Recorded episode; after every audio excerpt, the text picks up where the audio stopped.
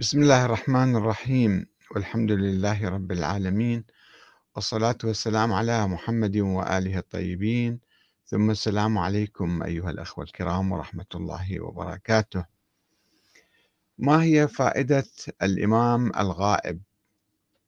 ما هو دوره في الحياة؟ ما هي مهمته الأساسية؟ مهمة أي إمام؟ هل هو تطبيق الإسلام إقامة الحق والعدل في المجتمع أم إنزال الغيث وإخراج بركات الأرض؟ هذه قضايا يتكفل الله تعالى بها. ولكن عندما نبتعد عن القرآن الكريم ونبتعد عن العقل ونبتعد عن العلم العلم الديني على الأقل نقع في مستنقع الخرافات والأساطير والغلو والطائفية والمشاكل التي لا تنتهي. عندما نريد أن نبحث موضوع الإمامة الإمامة في الإسلام لها نظريتان رئيسيتان. نظرية الشورى أن الإمام بعد النبي محمد صلى الله عليه وآله ينتخب من الناس في كل مجتمع في كل زمان ومكان الناس كلهم أو بعضهم قادتهم زعمائهم آه، ممثلوهم يجتمعون وينتخبون الإمام لكي يقوم بإدارة الدولة بإدارة المجتمع بتطبيق الدين بتطبيق الحق والعدل والقسط ومحاربة الظالمين والمفسدين والمستبدين. هذا هو دور الإمام. فإذا إما بالشورى وإما النظرية الأخرى الإمامية تقول أن الله تعالى ينص على الأئمة واحدا بعد آخر إلى يوم القيامة. لا نريد أن نناقش هذه النظرية الآن ولكن آه، نتوقف عند هذه النقطة فقط أن نظرية الإمامة تقول أن الله تعالى يعين الأئمة مو الناس ينتخبوهم. طيب. ويقولون أو تقول هذه النظرية أن الله قد عين آه، أحد عشر إماما إلا الحسن العسكري. ثم هناك إمام آخر غائب. طيب هذا الغائب ماذا يعمل؟ ما هي مهمته؟ هل أيضا يمكنه تطبيق الإسلام إقامة الحق والعدل؟ وإلى متى يغيب؟ صار 1200 سنة غائب هذا الإمام المفترض. فالدور الأساسي للإمام ولأي إمام كما قلنا في بداية الحديث هو تطبيق الدين. إقامة العدل إقامة الحق محاربة الظالمين والمفسدين والجائرين. طيب هذا الإمام ماذا يقوم؟ بأي عمل يقوم؟ هداية الناس؟ لا يقوم بهداية الناس ولا إرشادهم ولا إفتاء لهم. ولو من وراء ستار.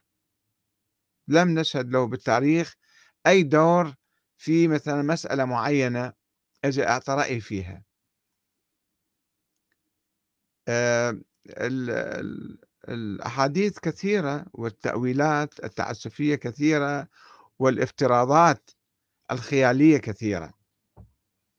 ويمكن تسمعون أنتم بعض الخطباء والخطباء عند الشيعة يعني مو علماء مو مجتهدين.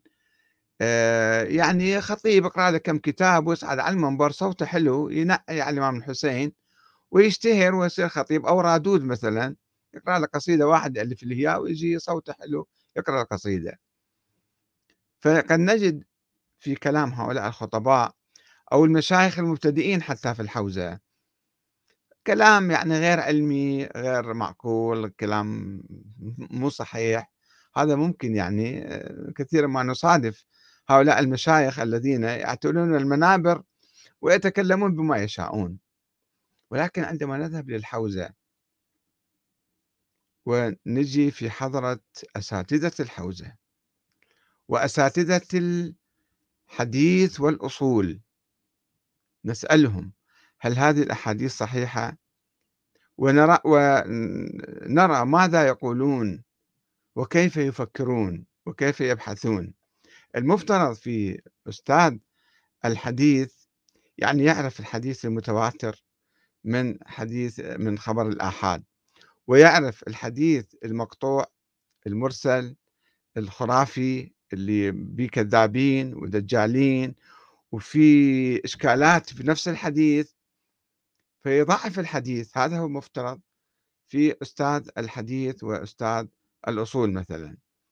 والآن يشار بالبنان إلى أبرز أستاذ في الحوزة في حوزة النجف وقوم في علم الحديث. أستاذ علم الحديث وأستاذ الأصول وهو الشيخ محمد باكر الأيرواني. نسأله هذا الشيخ هو سؤال مطروح وهو يحاول يجاوب عليه. أنه ما هي مهمة الإمام في الغيبة؟ شلون الإمام غايب صار 1200 سنة؟ شنو شغله هذا الإمام؟ الله معينة لقيادة الأمة الإسلامية. وهو غايب. طيب شنو شغله؟ إذا هذا شو قاعد بس يتفرج ياكل ينام مثلا. فنستمع إلى الشيخ محمد باكر الإيرواني الذي يرشحه البعض الآن مكتب السيد السيستاني مثلا أبناء السيد السيستاني وآخرون يرشحوه للمرجعية خلافة للسيد السيستاني. على أساس يصير مرجع أعلى للشيعة باعتبار أعلى من العلماء هذا. كل دعايات طبعا لا نريد أن نناقش هذه الأمور ولكن خلينا نشوف آه، فيديو منشور من العتبة العلوية المقدسة. بتاريخ 2 ماي 2018 ويتحدث ما الفائدة من وجود الإمام المهدي إذا كان غائبا؟ خلينا نستمع إليه قليلا ونعلق آه، بعد ذلك ونرى الأحاديث اللي استند عليها أحاديث صحيحة أم أحاديث. موضوعة وهو أستاذ علم الحديث. يسأل شنو فائدة للإمام إذا كان غائبا؟ الإمام يبين ماذا؟ ثلاث فوائد هنا. به ينزل الغيث وبه يدفع الله البلاء عن أهل الأرض. وبه تخرج الأرض بركاتها. الإمام سكت. لاحظتوا الآن الشيخ محمد باكر الأيرواني يقول آه، أن مهمة الإمام ودور الإمام الغائب صار 1200 سنة هو ينزل المطر الغيث وهو يخرج بركات به تخرج بركات الأرض والله يدفع البلاء. مثل كورونا الله يدفعها بالإمام المهدي. هذا معنى كلامه. والأمراض الأخرى البلاء سواء كان بلاء اجتماعي سياسي اقتصادي صحي المهم يدفع البلاء. خلينا نشوف هذا على شنو يعتمد. هذا الشيخ محمد باكر الأيرواني على أي حديث؟ وهل درس هذا الحديث؟ درس ما فيه من أفكار؟ ورأى أن هذا مثلا شيء غير معقول هذا من أعمال الله تعالى أن ينزل المطر أو مثلا يخرج بركات الأرض. هذا مو شغلة إمام واحد قاعد هو يعني شغلة زراعة مثلا أو يعني شنو هالدور هذا الخرافي اللي يعطيه للإمام المهدي الغائب. خلينا نقرأ الأحاديث اللي اعتمد عليها. منين جاب هالكلام؟ وهل درسه يعني هسه واحد خطيب بسيط مبتدئ آه، أمي يصعد على المنبر ويتحدث بما يشاء وأي حديث شافه قدامه يقرأه. أم واحد مثلا دارس وباحث ويعرف هذا يا كتاب ويا مصدر ويا راوي وشنو السند مثلا؟ والحديث هذا معقول ولا مو معقول؟ هذا مو خلينا نشوف الحديث هذا نقرأه اللي يرويه الشيخ الصدوق آه، ويروه كل المشايخ اللي يألفون في الموضوع. يقول حدثنا علي بن عبد الله الوراق.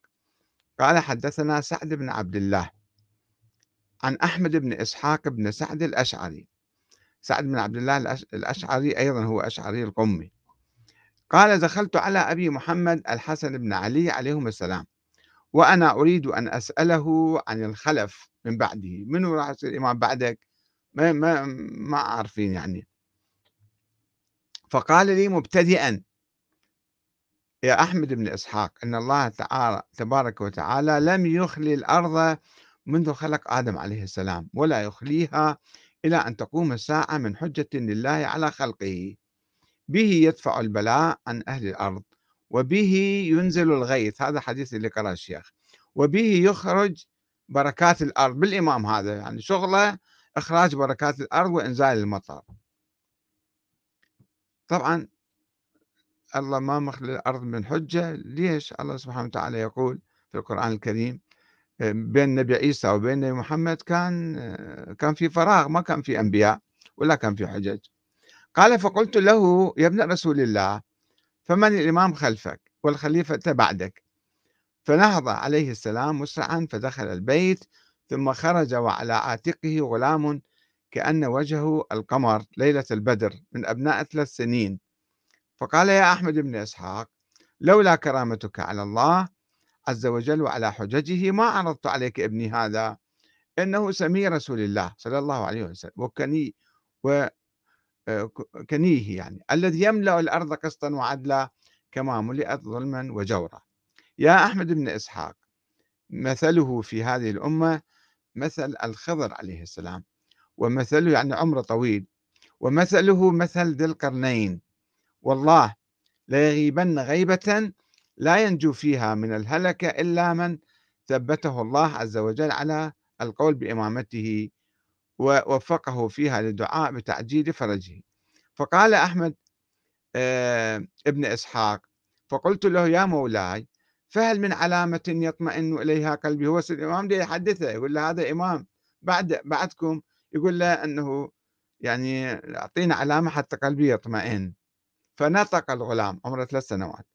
فنطق الغلام بلسان عربي فصيح.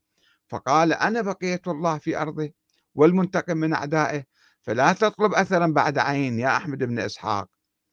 فقال أحمد بن إسحاق فخرجت مسرورا فرحا فلما كان من الغد عدت إليه فقلت له ابن رسول الله لقد عظم سروري بما مننت به علي فما السنة الجارية فيه من الخضر وذي القرنين شنو يعني معناته؟ فقال طول الغيبة يا أحمد. قلت يا ابن رسول الله وإن غيبته لتطول. قال إي وربي حتى يرجع عن هذا الأمر أكثر القائلين به ولا يبقى إلا من أخذ الله عز وجل عهده لولايتنا وكتب في قلبه الإيمان وأيده بروح منه. يا أحمد بن إسحاق هذا أمر من أمر الله وسر من سر الله وغيب من غيب الله.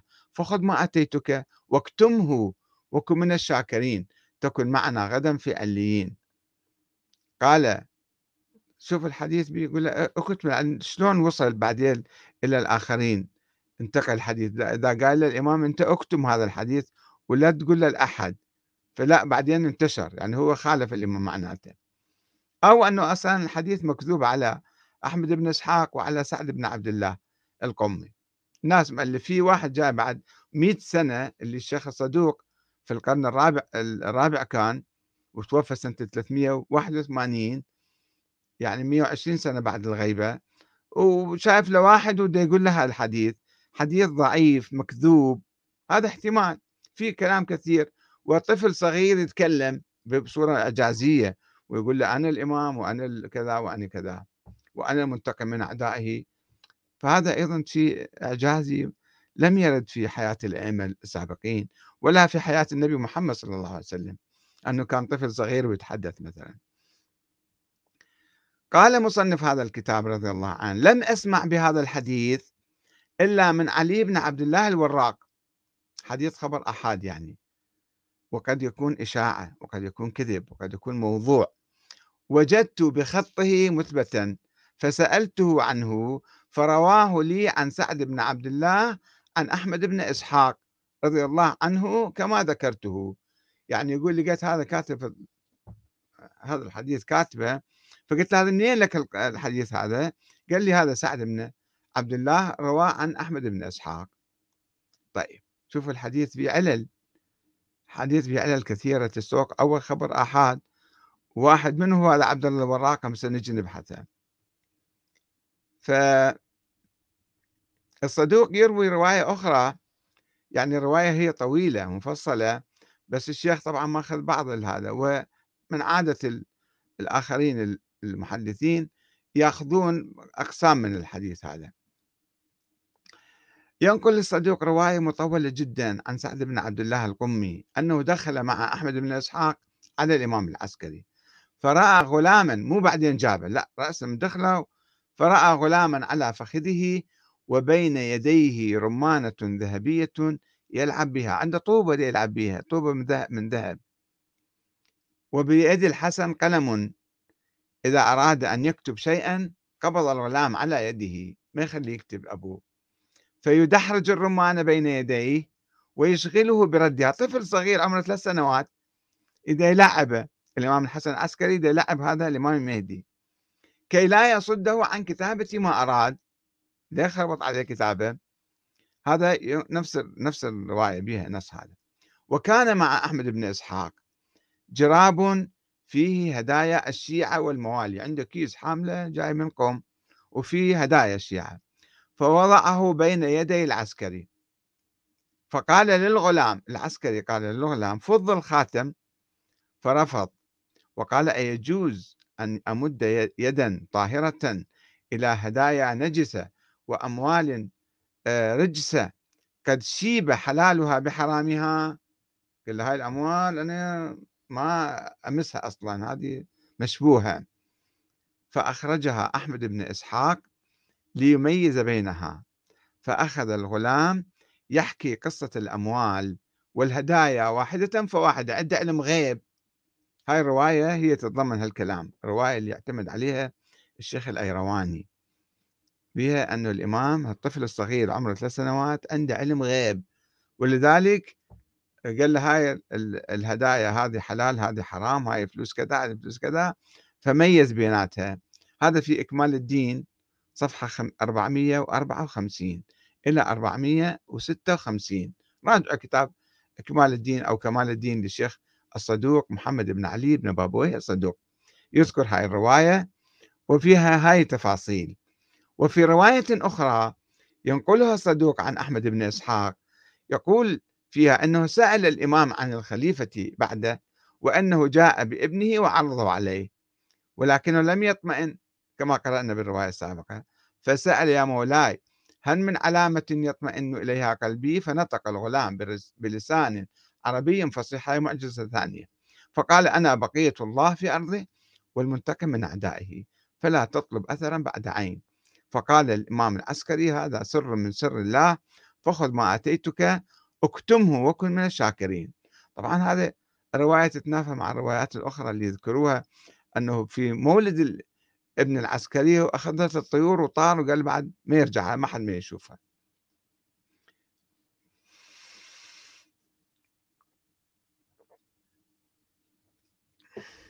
وأما رواية سعد بن عبد الله القمي التي يقول فيها نفس هاي الرواية التي دخل مع أحمد بن إسحاق على الإمام العسكري فرأى على فخذه غلاما ويلعب برمانة ذهبية والتي ينقلها الصدوق عن النوفلي الكرماني عن أحمد بن عيسى الوشاء البغدادي عن أحمد بن طاهر القمي فيوجد في سندها أربعة من المهملين أو المجهولين هذا الرواة ما حد ما يعرفهم مجهولين ناس واحد كاتب قصة رواية فيلم يعني كاتب رواية وقال فلان فلان فلان فلان ما حد يعرف ذولا منهم.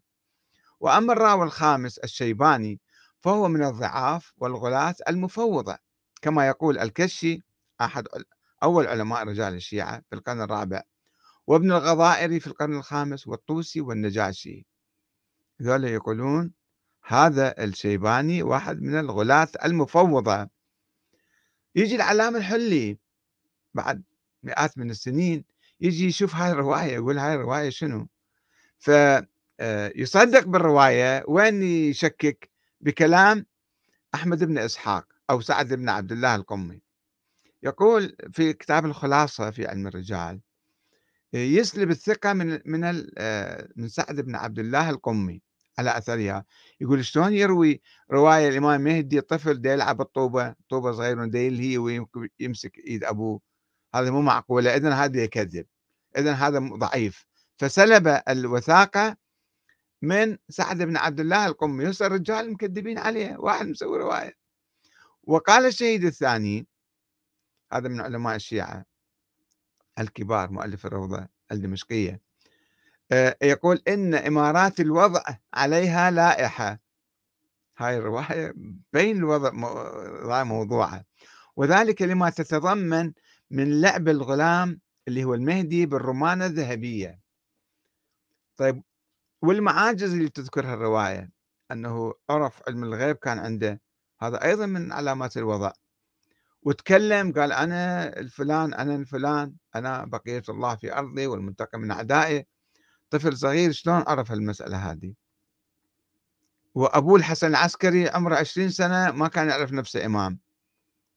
كان أخوه سيد محمد المدفون في بلد هو ذاك كان لازم يصير إمام. بس ما صار لأنه مات في حياة أبوه.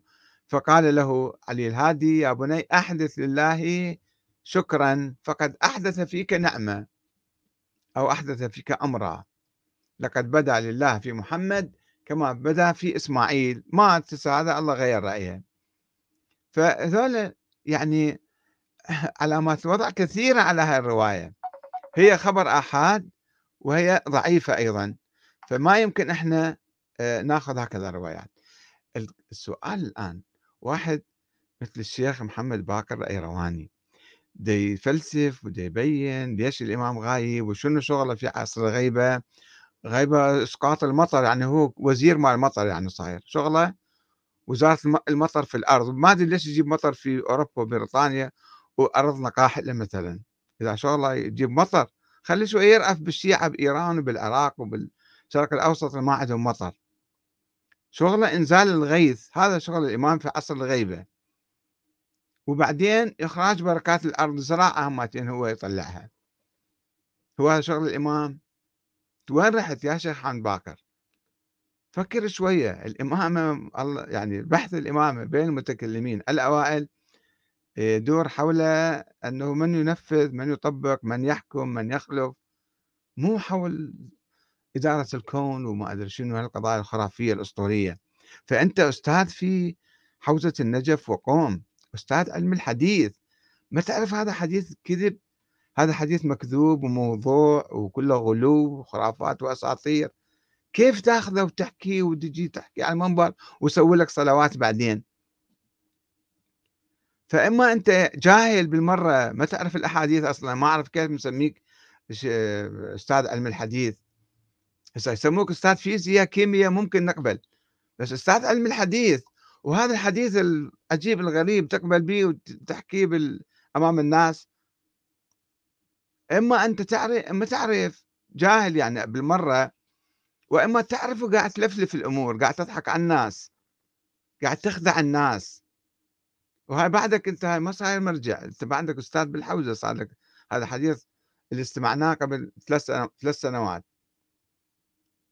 فهذا نموذج من اللعب بالأحاديث هذا حديث متواتر وهذا حديث هسه ما قال الشيخ هذا حديث متواتر اقرأه كأنه حقيقة مطلقة يعني. إنه أحاديث ال... بعدين الشيخ عنده نظرية يقول أحاديث ال... ال... المتواترة ما تحتاج نبحث بالسند مالها. الأحاديث المتواترة التي تورث القطع واليقين مو تجيب لي كثرة الأحاديث. الشيخ المفيد يقول له مليون حديث تجيب وكنا نشك بيها ما نصدق بيها تخالف الظاهر.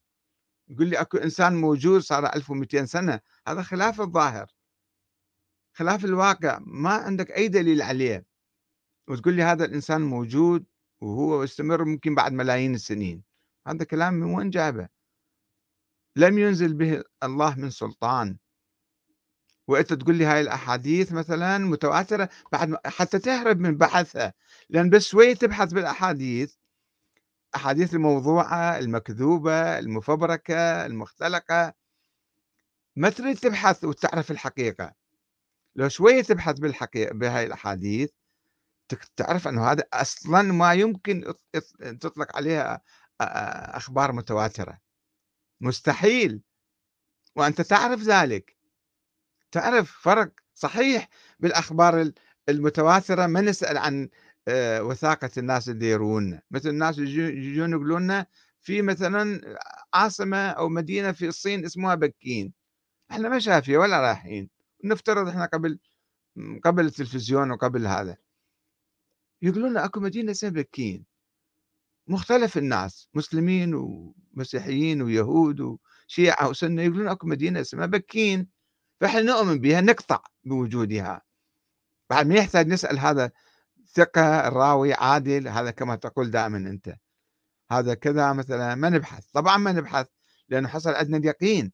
أما في قضية فيها التباس وفيها آه، يعني غموض وفيها اختلاف وفيها حيرة وقعوا الشيعة بحيرة وحيرة عظمى وتفرقوا 14 فرقة وراحوا سألوا وبحثوا ودققوا وفتشوا وما لقوا أي شيء.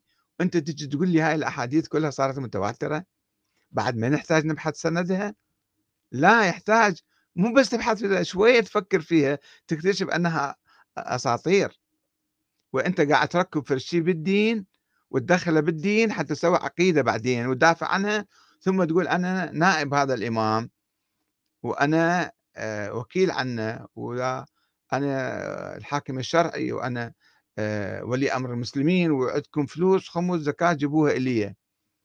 عندك منفعة. فقاعد تخدع الناس. يا شيخ محمد باقر الإيرواني اتق الله في ذلك. والسلام عليكم ورحمة الله وبركاته.